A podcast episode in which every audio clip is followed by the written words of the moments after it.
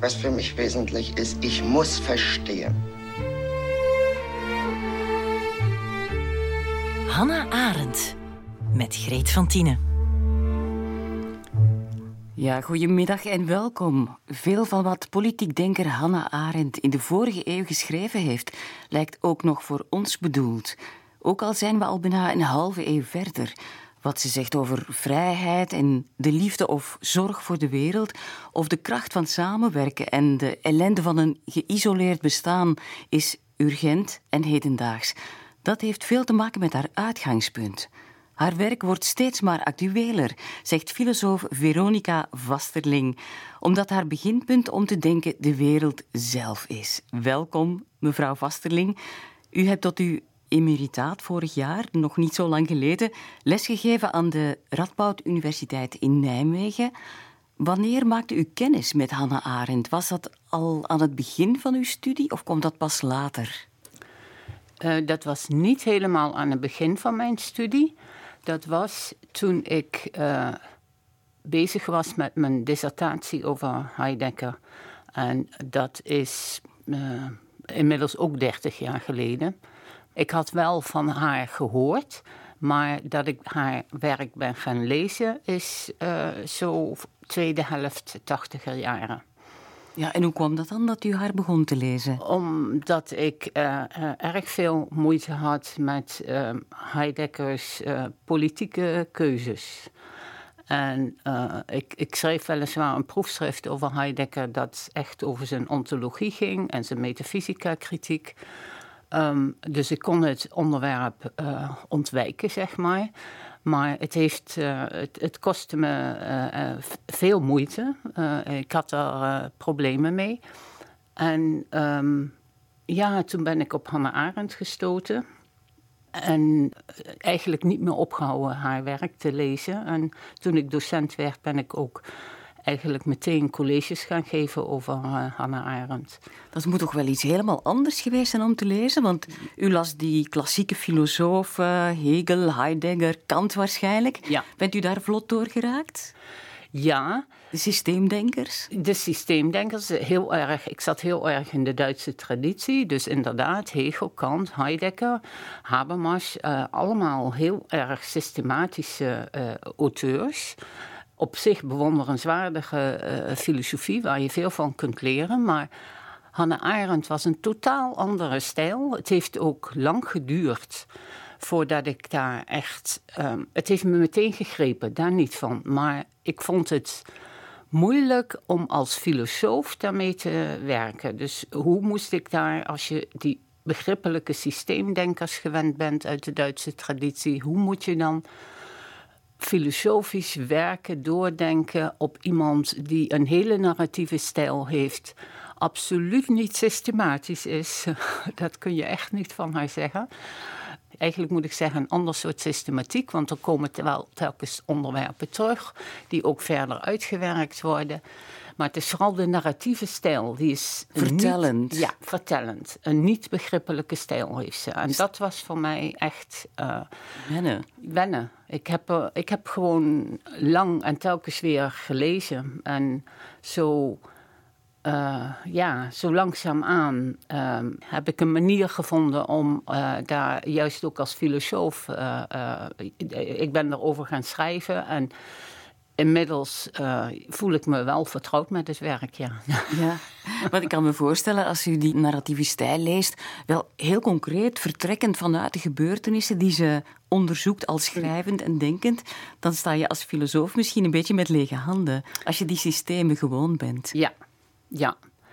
Maar van de andere kant was het dat ook wel het aanknopingspunt voor mij, omdat ze uh, op zo'n, ja, op, ik vind nog steeds een geweldig bewonderenswaardige manier inderdaad doet wat ze zelf zegt in die, in die quote waarmee u begonnen met Ik wil verstehen. Zij is een filosoof. Ik, ik, ken geen andere filosoof die zo goed in staat is om concrete uh, gebeurtenissen uit de wereld, de, de concrete standen van zaken, die uh, zoals ze zelf zegt, uh, zonder precedent, heel, heel nieuw, heel, heel moeilijk te begrijpen dus, ehm, begrepen heeft via haar, ja, wat ze zelf noemt, verhalen vertellen. Storytelling heeft ze haar eigen eh, stijl genoemd, haar eigen manier. En dat, dat begint met het totalitarismeboek. En dat is een thematiek die in feite de, haar hele werk doortrekt. Uh, maar het meest indrukwekkend vind ik eigenlijk uh, uh, het Eichmann-boek, wat de banaliteit van het kwaad omdat dat zo'n. Ja, wie heeft daar geen moeite mee om de Holocaust te begrijpen? Nou, is dat niet direct haar thema, maar wel uh, een van de hoofddaders. Mm -hmm. uh, het is nog steeds een heel controversieel boek, maar ik vind het ongelooflijk sterk qua inzicht banaliteit van het kwaad slaat op, het, op, op de banaliteit van de dader, van Eichmann, die niet denkt, geen voorstellingsvermogen heeft, het voor elkaar krijgt om zijn hart uit te storten bij de Joodse ondervrager, zich niet schaamt, zich niet schuldig voelt, duidelijk. Ongelooflijk, en dat heeft zij heel goed gezien en dat zit allemaal in dat begrip van banaliteit. Daar ben ik nog steeds, ja, ik ben een grote verdediger van haar in de controverse rond dat boek. Mhm. Ja, ze heeft het dan over de gedachteloosheid. Ja. He, die, die Eichmann vertoont in al zijn spreken en, en ja. wat hij doet, hoe ja. hij de dingen ziet. En gedachteloosheid als een groot gevaar voor het kwaad. Dat op die manier kan gebeuren. Ja. Ja. Ja. omdat we ervan uitgaan, groot kwaad wordt gemotiveerd door diepgaande motieven antisemitisme, racisme, eh, echt haat. Ze zegt, ja, dat beweegt hem niet echt. Niet dat hij niet ook uh, antisemitisch was, maar uh, eerlijk gezegd waren dat heel veel mensen. In, in, in de, en, en niet alleen Duitsers en Oostenrijkers, eerlijk gezegd. Wat hem beweegt zijn ook weer eigenlijk banale motieven. Hij wilde carrière maken. Hij keek op tegen zijn, zijn nazi-bazen. Die, die vond hij bewonderenswaardig. Die wilde hij navolgen. En dat heeft hem tot op het laatst heeft hem dat het meest bewogen. Mm -hmm. Nu, u hebt dat precieze boek dat u zo geraakt heeft en dat u bijblijft, uh, pas later gelezen. Ja. Want u zat wegens een, een toevallige omstandigheid dicht bij wat er in Auschwitz gebeurd is. Ja, ik heb als uh, graduate student in de Verenigde Staten, dat was uh, de eerste helft van de tachtiger jaren, midden tachtiger jaar ook, heb ik een paar jaar in Baltimore gewoond. Heb ik uh, daar ook gestudeerd aan Johns Hopkins Universiteit. En daar als bijverdienste ben ik gaan vertalen van het, Engels, van het Duits naar het Engels voor uh, wat toen heette de Special Investigation Office of Justice Department. Um, en die Special Investigation Office was een, een, een, eigenlijk een, maar een klein groepje mensen. Uh, die zich alsnog bezighield met het achterhalen en vervolgens vervolgen van nazi-misdadigers. Um, ik heb het Mengelen dossier helemaal vertaald. Ja, wat, wat deed dat met u? Dat was een nachtmerrie, uh, moet ik zeggen. Want uh, niets is zo erg als in eigenlijk in droge juridische details uh, te lezen over de experimenten die Mengele deed.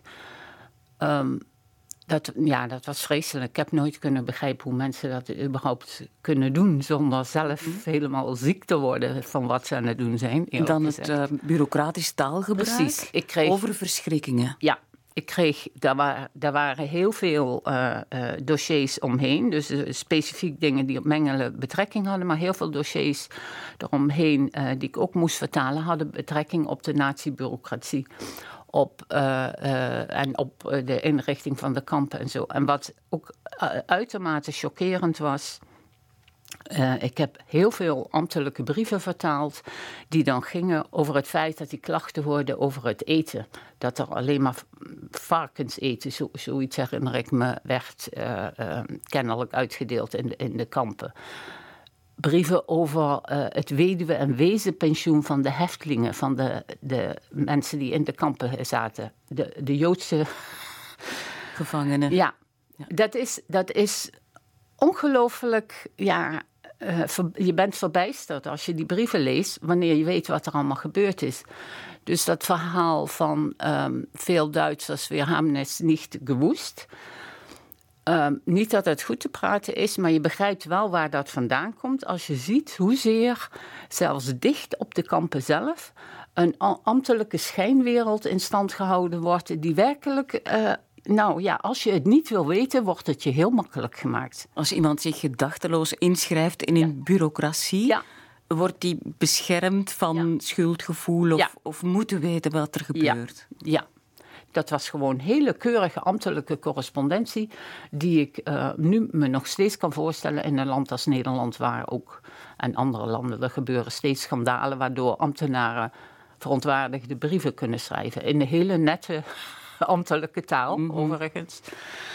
Toen um, u Eichmann in Jeruzalem dan uiteindelijk gelezen hebt, uh, die analyse heeft u die verder geholpen om te begrijpen wat daar gebeurd was? Ja, ja maar tegelijkertijd wordt het ook um, nog afschrikwekkender of nog angstiger. Omdat je um, kun, je kunt gaan voorstellen en je gaat er ook over nadenken wat er allemaal in deze tijd gebeurt, wat keurig afgedekt wordt, waardoor we weg kunnen kijken en het niet hoeven te weten. En, um, en, er gebeurt natuurlijk ook nog, nog steeds genoeg. Eh, eh, alleen al uh, de manier waarop Europa, Fort Europa met migranten omgaat bijvoorbeeld. Gelukkig weten we daar wel wat van. Maar um, we worden er maar mondjesmaat mee geconfronteerd. En het is eigenlijk natuurlijk een, een uh, absoluut schandaal. Mm -hmm. Dat daar uh, ieder jaar honderden mensen verdrinken op weg naar Europa. En ook gewoon bewust uh, hè, niet geholpen worden. mensen in kampen zitten aan de randen van Europa. Um, je gaat je betrokkener voelen, maar ook, uh, moet ik zeggen, machtelozer. Omdat je uh, uh, van de ene kant je ogen worden geopend voor, door, door Arend. Je gaat echt heel be veel bewuster en kritischer naar de wereld kijken. Mm -hmm. Heeft Hannah Arendt je uiteindelijk blijven inspireren? Absoluut, tot, ja? tot, tot nu. Ik denk dat het ook. Ik, ik kan me niet anders voorstellen dan dat dat blijft. Ja. Mm -hmm. Ja, ze is ook mij letterlijk, denk ik, want u zit in het lokale politieke bestuur. Ja, ik, ben, ik woon uh, uh, net over de grens in, in Kleve, in Duitsland. Het is echt een EU-regio uh, daar, dus er wordt Nederlands en Duits zo'n beetje door elkaar gesproken. Er wonen ook veel Nederlanders, maar het plaatselijke dialect is ook half Nederlands. Dus het is een, wat dat betreft een zeer Europese plek. Um, en ik ben daar uh, lid geworden van de Groenen en zit inmiddels ook in het lokale bestuur van de Groenen. Ja. ja, u bent ook gedeeltelijk Duits, kunnen we zeggen. U bent Nederlandse, maar uw vader is Duitser. Ja. Of was Duitser? Was Duitser, ja. Hij is mm -hmm. uh, een jaar of twintig alweer gestorven. Ja, mijn vader was, was Duitser.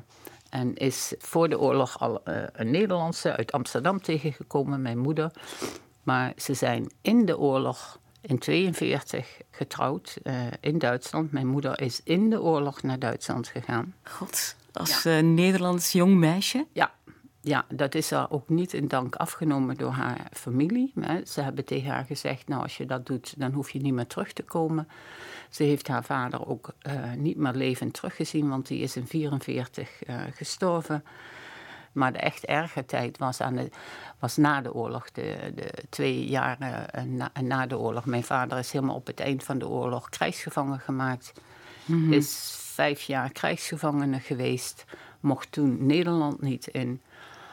Dat heeft heel lang geduurd, pas in de vijftiger jaren. En mhm. alleen op voorwaarde dat hij mijnwerker werd, waar hij eigenlijk helemaal niet tegen kon, omdat hij astmatisch was. Uh, dat was allemaal mijn moeder heeft heel lang niet geweten na de oorlog dat, of mijn vader nog leefde. Uh, dus ze zat in een werkelijk totaal kapot Duitsland, um, hongerlijdend zoals iedereen toen, uh, met twee kleine kinderen. Ja, en uw vader kwam uit een uh, politiek-socialistische, ja. communistische familie? Ja, ja ja. En mijn vader was uh, gelukkig uh, uh, in staat um, om, ondanks het feit dat hij totaal niet technisch was, om de oorlog door te komen als radaropleidingsofficier. Pas helemaal op het eind, in winter 45, um, toen, toen ze echt iedereen mobiliseerden, toen is mijn vader ook, moest hij ook gaan vechten. Maar toen heeft hij zich meteen krijgsgevangen laten maken in Beieren. Ja. door de Fransen. En heeft hij in Frankrijk is hij vijf jaar krijgsgevangene geweest. Nu, dat laat zien, iemand, wat iemand doet, heeft gevolgen. En dat we nooit kunnen voorspellen wat de gevolgen zijn. Mhm. Daarover spreekt Hannah Arendt in dat beroemde interview met Kunte Kous uit 1964. Mhm. Ze zegt dat we een web weven en dat elke um, nieuw begin, elke nieuwe daad een risico inhoudt. Ze steken mm. allebei, zowel Gunther als Arendt, uh, sigaretten op volop en, en blazen wolkenrook uit tijdens het interview. We vangen etwas aan. Wir schlagen unseren Faden in ein Netz der Beziehung. Was daraus wird, wissen wir nie. Wir sind alle darauf angewiesen zu sagen, Herr, vergib ihnen, was sie tun, sie wissen nicht, was sie tun. Das gilt für alles Handeln. Einfach ganz konkret, weil man es nicht wissen kann. Das ist ein Wagnis. Und nun würde ich sagen, abschließend, dass dies Wagnis nur möglich ist im Vertrauen auf die Menschen. Das heißt, darauf in irgendeinem schwer äh, genau zu fassenden, grundsätzlichen Vertrauen in das Menschliche aller Menschen. Anders könnte man nicht. Ja, eigenlijk een poëtisch taalgebruik dat ze hier heeft. Hè. Wij beginnen ergens aan, we weven onze draden in een netwerk van relaties. We weten nooit wat het resultaat zal zijn. We moeten allemaal zeggen, Heer, vergeef hen, want uh, ze weten niet wat ze doen. En dat geldt voor alle handelen. Dat is een risico en dat risico kunnen we enkel nemen in een diep vertrouwen in de menselijkheid van alle mensen. Ja, ja, daar zit een hele hoop in wat echt karakteristiek is uh, voor, voor Arends werk, voor Arends mensbeeld, voor Arends wat ik graag noem haar politieke antropologie, omdat ze een soort filosofische antropologie heeft waarin het politieke eigenlijk um, ja, de hoofdzaak is, maar politiek bij Arend is ook weer een heel ruim begrip. Maar eerst um, dat laatste punt, dat we uh, een soort vertrouwen nodig hebben in het menselijke van de mens, of in, in mensen, zou ik maar gewoon uh, willen zeggen, om te kunnen handelen, omdat waar, eh, die, die, die, die, die moeten hebben om te handelen, omdat we als we handelen inderdaad weten waar we beginnen, maar niet waar we uitkomen. Mm Vanwege de pluraliteit van mensen. Dat is het net. Dat, beschrijft dat we allemaal verschillen. Ja, we verschillen allemaal. Uh, handelen doe je altijd met, samen met anderen. Je hebt weliswaar plannen, die bespreek je ook misschien met anderen en zo. Dus je hebt een doel voor ogen. Maar omdat we allemaal verschillen en omdat we uh, woorden en daden reacties op, oproepen, krijg je een heel netwerk of een web, uh, zegt, zegt Arend waar je, ja, waar je wel samen in zit en samen aan, werkt, maar je weet, je weet gewoon niet waar je uitkomt. Mm vanwege, dus die pluraliteit, die verschillen tussen, tussen mensen. En wat maakt ons menselijk volgens Arendt? Nou, nu, ze zal daar niet expliciet over geschreven hebben, maar u kan het wel uit haar werk halen. Ja, ehm, nou, in ex-negatieve zou ik zeggen. Want dus om te handelen, omdat omdat je, omdat, dat een, een uh, uh, omdat je niet weet waar je uitkomt, heb je daar moed voor nodig. Dat zegt ze wel expliciet. Maar nu zegt ze in dat interview ook: je hebt vertrouwen in, in mensen nodig. Um, dat, dat zegt ze inderdaad niet expliciet verder in haar werk. Maar uh, ex-negatieve, dus langs de negatieve weg, zegt ze wel, is ze heel erg um, indrukwekkend, vind ik. En, en ook scherp in haar analyse van uh, de massamaatschappij. De, eigenlijk de moderne 20e eeuwse maatschappij al. Maar ook onze, uh, voor onze maatschappij geldt het net zo goed. In het laatste hoofdstuk van uh, het totalitarismeboek begin, begint ze daar al over. En dat is een beschrijving van hoe mensen geïsoleerd raken. Uh, in een massamaatschappij raken verbanden weg, uh, uh, volgens haar. Nou, ik, ik, haal het meteen naar onze tijd. De sociale media, waarvan wordt gezegd dat het mensen verbindt. Nee, het isoleert mensen, want het is niet echt communicatie. Het zijn echo-chambers, wordt het wel genoemd. Hè. Iedereen komt in... Echokamers, ja. Ja, mm echokamers. Mensen zitten in bubbels met gelijkgestemden. Maar de grotere verbanden die je nodig hebt in een, in een, in een maatschappij... die raken juist steeds meer verwaarloosd. Um, mensen gaan zich eigenlijk geïsoleerd uh, voelen. Ze zijn op zichzelf terug, teruggeworpen. En dan begint wantrouwen. Uh, wantrouwen ten opzichte van mensen die andere uh, kijk op de wereld hebben dan jij, die in een andere bubbel zitten, dat is enorm toegenomen. Een kenmerk daarvan is dat eigenlijk mensen alleen nog maar want, met wantrouwen naar de wereld kijken, uh, naar andere mensen die niet in hun kleine groepje in hun, in hun echokamer, zou ik maar zeggen, uh, uh, zitten. Ik zou graag nog even de stem ja. van Arend erbij halen, weer uit datzelfde interview, waarin ze praat over wat er gebeurt als mensen zich verzamelen rond een idee mm -hmm. of een interesse. Wo immer Menschen zusammen sind, ganz egal in welcher Größenordnung, bilden sich öffentliche Interessen. Nach wie und vor. bildet sich Öffentlichkeit. Und in Amerika, wo es ja immer noch diese spontanen Vereinigungen gibt, nicht? die dann auch wieder auseinandergehen. Ja. Nicht diese Association, von denen schon Tocqueville gesprochen hat. Äh, können Sie das sehr deutlich äh, sehen. Irgendein öffentliches Interesse betrifft jetzt eine bestimmte Gruppe von Menschen, eine Nachbarschaft oder auch nur ein Haus oder eine Stadt oder eine anders gelagerte Gruppe, ja? Dann werden diese Leute zusammenkommen und sie sind sehr gut imstande, in diesen Dingen öffentlich zu handeln. Denn diese Dinge übersehen sie. Das heißt, was Sie sagen, gilt ja nur für die allergrößten Entscheidungen auf allerhöchster Ebene. Und da, glauben Sie mir, da ist der Unterschied zwischen dem Staatsmann und dem Mann von der Straße prinzipiell gar nicht sehr groß. Ich glaube Ihnen das. Nein, äh, Ich glaube Ihnen Sie müssen es mir nicht glauben. Ich habe das nur äh, gesagt. Ja, je moet me wel geloven, zegt ze. Uh, als mensen samenwerken in een groep, of dat nu een stad is, in een stad, in een huis, of mensen van eenzelfde buurt, dan gebeurt er iets. Dan kunnen ze iets voor elkaar krijgen. Mm -hmm. Ja, hoe komt dat dat zo belangrijk is, zo centraal in haar denken, dat samenwerken? Uh, dat is handelen. Dat is wat zij uh, handelen noemt. En handelen is bij haar politiek handelen, maar daaraan zie je al hoe breed haar uh, opvatting van politiek is. En trouwens ook eigenlijk ja, heel duidelijk onderscheiden van wat nu al een tijdje eigenlijk voornamelijk politiek genoemd wordt. Want dat is bestuur en beleid. Dat is bij haar niet. Mm -hmm. Bestuur en beleid noemt ze. Uh, net zoals de Amerikanen zeggen administration. En die mm -hmm. spreken van de Biden administration uh, op zich terecht, want het is administration.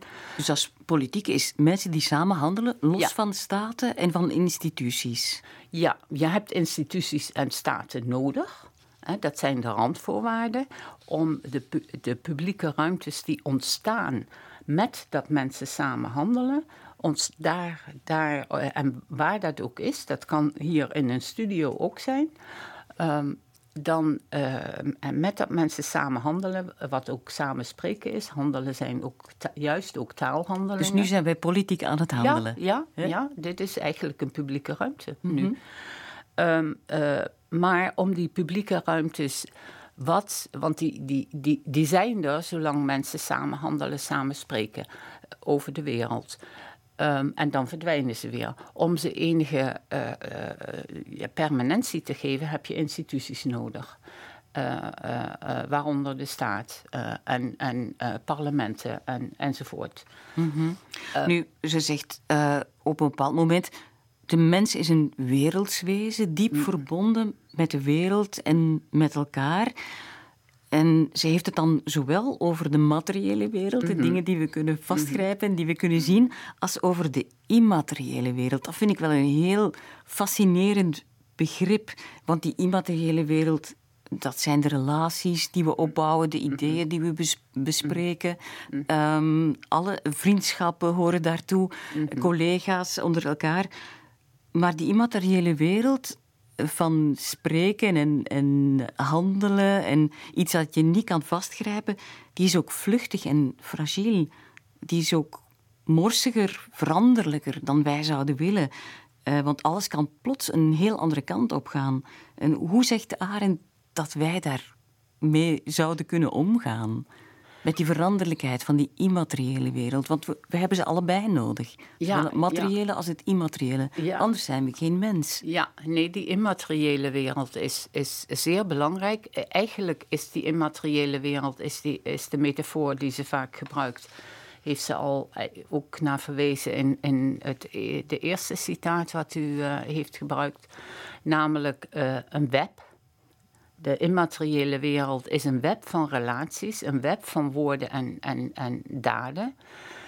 Uh, een van de dingen, um, van de belangrijkste in mijn ogen dingen die ze uh, erover zegt om die fragiliteit van die immateriële wereld um, ja, uh, een, een, beetje te, te, te, versterken of tegen te gaan, hè, dat het wat steviger wordt, is eigenlijk verhalen vertellen. Dat wat zij doet. Maar dat is ook weer een heel breed begrip. En dat gaat bij haar echt mm -hmm. van, van zeg maar religieuze teksten, wetenschappelijk werk, uh, tot, tot oral history, en, en maar ook uh, echt officiële geschiedenis, geschreven geschiedenis, tot, tot verslaggeving, de media, uh, echt, echt eigenlijk alles wat records, kun je in het Engels zeggen. Hè? Dus in woorden gevat en bewaard wordt. Hè? Wat, je, wat je na kunt zoeken. Dus niet uh, een oral history is dan echt de grens, maar dat gebruiken we tegenwoordig voor verhalen die echt doorgegeven worden van generatie op generatie. Dus in die zin uh, kun je dat ook, ook meetellen. Ze zegt, als we dat niet doen, dan verdwijnt het gewoon. Dan hebben die woorden, die daden, dat web, heeft niet bestaan. -hmm. Ja, sommige dingen blijven stil, blijven achter het ja. gordijn ja. van wat wij kunnen weten. Ja. Zoveel, zoveel horen we niet. Ja, ja. dus Arendt heeft een heel um, uh, scherp bewustzijn. Ik, ik, ik, ik heb het ook altijd verbonden met uh, toch ook wel met een, uh, een Joodse traditie en dan zeker na de Holocaust dat het heel belangrijk is om, om, om, om de namen van die vele eigenlijk ontelbare doden vast te houden. Er zijn overal, uh, nu ook in, eindelijk in Amsterdam, ook een, een monument uh, uh, van de gedeporteerde Joden. Hè. Nou, nou, ik weet niet hoe lang heeft dat geduurd. Wat staat erop? De namen. Mm -hmm. Alle namen. Mm -hmm. Dat is. want als die namen. Nou ja, en in, in Jeruzalem zijn hele bekende. en in, in, in Berlijn natuurlijk als in dit geval de namen niet vastgehouden worden, dan, dan verdwijnen ze. Mm -hmm. En dan, dan zou het alsnog, uh, uh, ja, dan zou het Hitler en anderen alsnog gelukt zijn om uh, 6 miljoen Joden uit te wissen. Betrokkenheid naar de wereld is bij Arendt spreken over de wereld en eigenlijk ja, bijdragen aan, het, aan verhalen over wat daar gebeurt. Mm -hmm. Ja, als we weten dat uh, mensen wereldse wezens zijn, mm -hmm. diep verbonden met elkaar en met de wereld, en dat mensen die samen handelen, dat dat politiek handelen is, dat het zo belangrijk is, mm -hmm. dat dat veel verder gaat dan partijpolitiek, dat hoort ja. er ook bij, maar het heeft met alle groepen te maken die interesse delen. Als we dat weten, wat is dan menselijke vrijheid voor Hannah Arendt? Hoe ziet zij dat? Men, menselijk... is, is dat het vermogen kunnen inzetten om samen te handelen? Ja, menselijke vrijheid is, is bij haar niet wat uh, eigenlijk uh, ja, het meest bekend is in de westerse traditie. Um, de vrije wil, keuzevrijheid uh, en, en, en, en dat soort dingen. Dat ontkent ze allemaal niet, maar vrijheid uh, voor haar is dat wat we waarmaken, wat we als realiteit beleven wanneer we samen handelen. Vrijheid bij haar komt eigenlijk dicht in de buurt van uh, het, het uh, eigentijdse Engelse begrip van empowerment. Dat bestond in haar tijd nog niet, maar ik denk, want het is eigenlijk een neologisme. Hoe zouden we dat kunnen vertalen, die term? Ja, um, vrijheid, ja, empowerment, daar zit power in, macht. Vrijheid ligt bij Arendt uh, dicht naast uh, wat zij ook power noemt, en dat is bij haar een positief begrip. Dat komt, uh, uh, power is bij haar echt empowerment. Dat is samen iets realiseren in de wereld. En daar hoort ook een euforisch gevoel bij, zegt ze. omdat je dan als, als, als gewone ja, burgers door hebt dat je samen echt wel dingen kunt bereiken in de, in de wereld. Uh, Berlijnse muren kunt laten vallen, bijvoorbeeld. Mhm. Ook iets dat onvoorspelbaar was, oh, natuurlijk. Totaal onvoorspelbaar. Ik vind het zelf een mooi voorbeeld van uh, politiek à la Arendt. Omdat, het, omdat, omdat dat spontaan gebeurde. Die, die, die, het begon natuurlijk met die demonstraties. Er zat wel dingen, maar die demonstraties waren ook spontaan. Mensen, en dat genereerde steeds meer macht, alle aren. Mensen realiseerden ook, de euforie is in feite de vrijheid die je dan realiseert. Hè? Eh, omdat je samen uh, handelt en hoopt inderdaad een nieuwe stand van zaken. Want vrijheid bij Arendt is, is verbonden met, met, met empowerment. Dus het zit dicht tegen de macht. En met iets nieuws kunnen. Een nieuwe stand van zaken uh, uh, kunnen bereiken in de wereld. Dat zijn de twee essentiële kanten mm. van uh, vrijheid bij Arendt.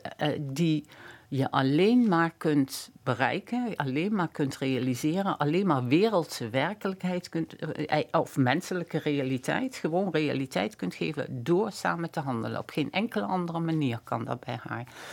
En uh, als je wil weten hoe dat eruit ziet, denk aan 89 in uh, Oost-Duitsland uh, toen de muur viel. Het is inmiddels alweer lang geleden. Ik, ik, ik kan maar, sinds de 90 jaren gebruik ik dit voorbeeld zo graag, omdat ik echt aan de televisie gekluisterd heb ge gezeten om dat te zien, omdat het voor mij echt Arendtiaans ja, politiek à la Arendt was, wat de, wat de mensen deden en hoe dat tot, uh, in dit geval tot enthousiasme eigenlijk van iedereen leidde tot de uh, val van de muur. Ja, niet iedereen, misschien niet Honecker. Maar wel tot enthousiasme van uh, de Duitsers aan weerszijden van de muur. Um, ja, dus dat is een inspirerend voorbeeld, omdat we steeds weer vergeten dat we dat kunnen doen. Dat we die, mm. die vrijheid om te handelen hebben we. Je kunt, je kunt zeggen over de westerse democratieën uh, wat je wil. Het, het, het, loopt uh, niet goed met de westerse democratieën, maar wij kunnen uh, absoluut handelen à la Arendt. Wat, wat je niet kunt in in een aantal totalitaire regimes die de, inmiddels de wereld weer, weer wat rijker aan het worden is. Um, mm -hmm. een aantal delen van China kun je het wel vergeten. In Rusland wordt steeds totalitairder weer onder Poetin. -hmm. Ja, Randy Newman die beweert dat hij weet waarom God van de menselijke soort houdt. God's song, That's Why I Love Mankind.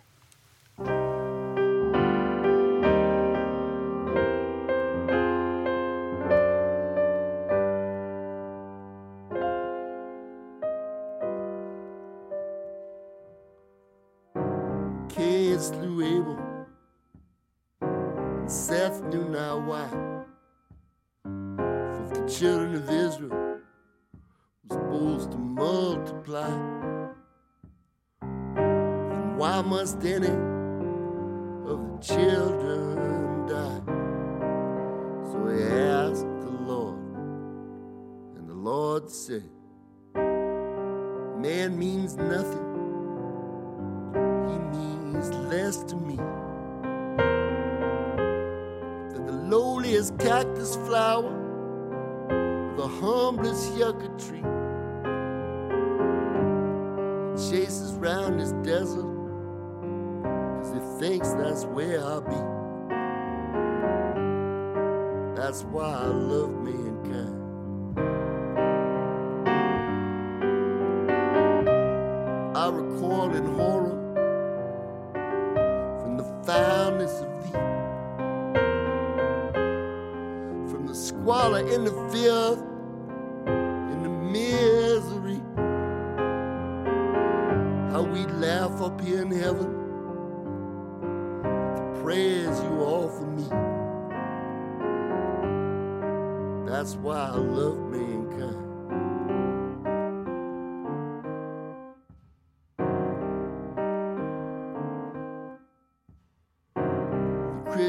the Jews are having a jamboree.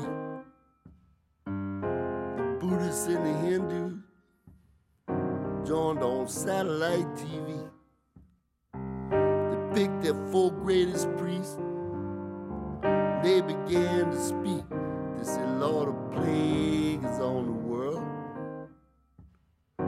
Lord, no man is free. Temples that we built to you tumbled into the sea. Lord, if you won't take care of us, won't you please, please let us be? And the Lord said, and the Lord said, I burn down your cities. How blind you must be. Take from you your children, and you say, How blessed are we? Y'all must be crazy to put your faith in me. That's why I love mankind. You really need me. That's why I love mankind.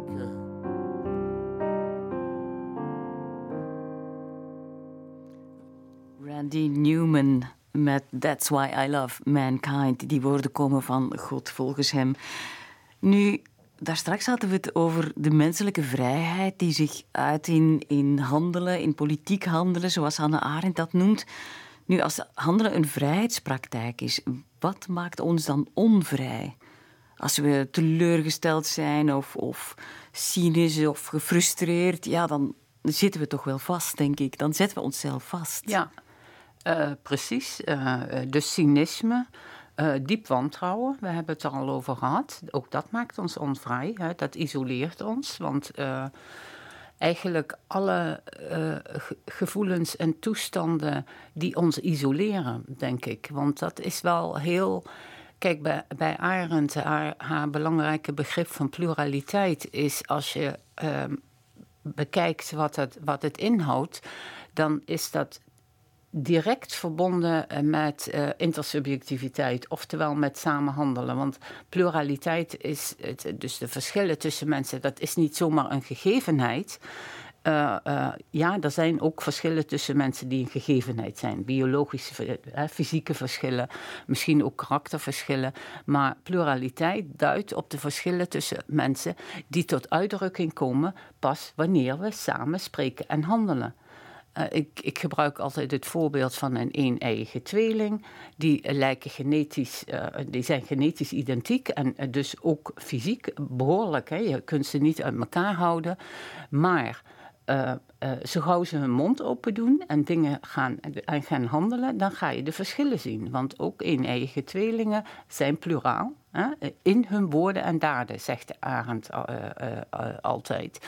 Dus dat. Ehm, uh, wanneer mensen daarvan afzien, dus uit wantrouwen, frustratie, cynisme, maar ook angst. In, in dictatoriale of uh, totalitaire regimes is het gewoon angst ook, die mensen ervan weerhoudt om uh, in contact te treden met, met, elkaar. Dus de mensen helemaal terugwerpt op zichzelf, helemaal geïsoleerd la, laat worden daar, nou, Arend is daar heel duidelijk over. Dan heb je eigenlijk geen menselijk leven meer. Een leven zonder de mogelijkheid tot handelen, zonder dus ook de mogelijkheid tot pluraliteit, wat tegelijkertijd de mogelijkheid is tot individuatie, tot het worden van een, een wie, zoals ze dat noemt, een persoon met een, met een biografie, met, een, mhm. met een eigen levensverhaal. Dat, uh, dat we pas achteraf kunnen zien. Dat we het patroon achteraf, dat zich aftekent. Wij kunnen niet zeggen exact wie wij zijn. Nee. Maar als we achterom kijken, ja. kunnen we wel een patroon zien. Ja. Dus wie we zijn is onze biografie. En onze biografie is natuurlijk eigenlijk pas voltooid uh, met dat we sterven. Daarin uh, uh, tekent zich, dat is dan ook weer een verhaal. Hè? Arend zegt, ja, als iemand je vraagt wie je bent, dan kun je eigenlijk alleen maar antwoorden van, nou, ik kan u een, het verhaal van mijn leven vertellen. Mm -hmm. Dus tot, tot het moment waarop, tot nu. En, uh, want goed, halverwege het leven is er ook al wat te uh, vertellen, maar uh, in principe pas aan, aan het eind van, van, het leven. Maar goed, die individuatie die bij pluraliteit hoort, het spreken en handelen samen met anderen, dat realiseert niet alleen pluraliteit, het realiseert ook mijn unieke identiteit, mijn, mijn, mijn mm -hmm. biografie. Dat is allemaal niet aanwezig is, die, die, deze, belang, deze in Arends ogen belangrijkste dimensie van uh, uh, menselijk bestaan, uh, is niet aanwezig wanneer je uit wantrouwen, uit frustratie, uit cynisme of uit angst niet met anderen handelt en, mm -hmm. en, en, spreekt. Ja, dan ontneem je jezelf de vrijheid van ja. volledig mens te zijn. Ja. Zou zij misschien zo kunnen ja, verwoorden? de vrijheid en ook ook uh, de, de zinvolheid van het leven. Want zonder dat heeft het leven in haar ogen, en ik denk dat ze gewoon gelijk heeft, uh, mm -hmm. is, is, het, is het eigenlijk onduidelijk uh, wat de zin van je leven is. Want je over, overleeft eigenlijk alleen maar. Mm -hmm. Je eet en je drinkt en je. Je handelt natuurlijk nog wel instrumenteel. Dat wil zeggen, je zorgt dat je kunt overleven, dat je voedsel en dingen. Maar ja, dat is geen menselijk leven. Dat is. Um, en het is heel erg wanneer je daartoe veroordeeld bent. En het is zo mogelijk nog erger wanneer je jezelf daartoe veroordeelt, zonder dat dat nodig is. Dat is haar, haar telkens terugkerende scherpe analyses van wat zij massamaatschappij noemt. En zij zou mhm. ongetwijfeld ook deze analyses voor ons uh, in onze tijd hebben. Want uh, wij hebben een eigen tijdse variant daarvan. Mm -hmm. Die mogelijk misschien nog wel erger is dan wat zij na de oorlog heeft meegemaakt in de Verenigde Staten. Denk ik. Nu, we hadden het daar straks over de onvoorspelbaarheid van wat er in de wereld gebeurt. Uh, de onvoorspelbaarheid, zowel in ons leven als in de geschiedenis, de loop van de geschiedenis. Want er is geen vooruitgang, geen doelgerichte geschiedenis die zich afspeelt, nog bij ons privé, nog uh, binnen de mensheid, als we ja. dat zo kunnen zeggen. Uh, nu, wat er met uw ouders gebeurde, die heel moeilijke tijd die zij doormaakten in de oorlog en ook na de oorlog nog, hebt u dan dat beter begrepen hoe dat zij gehandeld hebben door het werk van Hannah Arendt te lezen? Of ja. hebt, u iets, hebt u inzichten gekregen door Hannah Arendt te lezen? Ja, ik denk het wel. Ik heb um, uh, de laatste tien jaar uh, uh, van hun leven, van het leven van mijn ouders, ben ik telkens weer bij ze op bezoek gegaan en heb, ben ik telkens weer met hun gaan, gaan spreken over, over die tijd, omdat ik ook ongelooflijk graag van hun wilde horen hoe het nu was. Ik wilde eigenlijk hun verhaal horen over, over die periode uit hun leven, zeg maar van eind dertiger jaren tot eind veertiger jaar of begin vijftiger jaren. Mijn, mijn vader mocht, uh, als ik me niet vergis, 52 of 53 Nederland in. Um, uh, dus over die hele periode. Nou, en um, mijn vader kon dat niet. Die zat er altijd bij, maar die vertelde weinig. Mijn moeder was, was wel echt een vertelster. Dus die vertelde ook wel graag, maar het was typisch zoals dat heb ik ook wel, want daar heb ik ook wel wat over gelezen, over hoe, hoe, hoe trauma verwerkt wordt. Waren altijd verhalen met heel grote gaten erin. En uh, iedere keer als ik dan weer in de trein naar huis zat, dacht ik, ja, maar nou weet ik dit nog niet en dan weet ik dat. En dus dan nam ik me voor om de volgende keer, want dan had ik echt ook heel gerichte vragen. Maar mijn moeder ging dan gewoon weer heel veel vertellen en dan liet ik me daardoor meenemen. Maar ja, heel veel, heel, ja. Dus dat, dat, dat waren. Um, uh, het heeft me, me wel wat geholpen, omdat mijn moeder toch wel ook, ook, ook wel verteld, maar ook heel weinig over wat echt heel erg was. Dat weet ik dan misschien net. Uh, dat ze, dat ze hongerodeem had en dat ze echt gewoon geen, geen, ja, niet wist of de, de twee kleine kinderen die ze al had zouden overleven. En uh, ze is ook verkracht uh, door Amerikaanse soldaten, niet door Russische Na de oorlog? Na de, einde? Allemaal, allemaal na de oorlog, mm -hmm. ja. Um, en daar, ja, daar, ik weet, dat heeft ze één keer gezegd en verder niet meer uh, over gesproken. Maar hoe kan het, uh, het denken van Hannah Arendt u daarbij helpen om daar meer inzicht in te krijgen?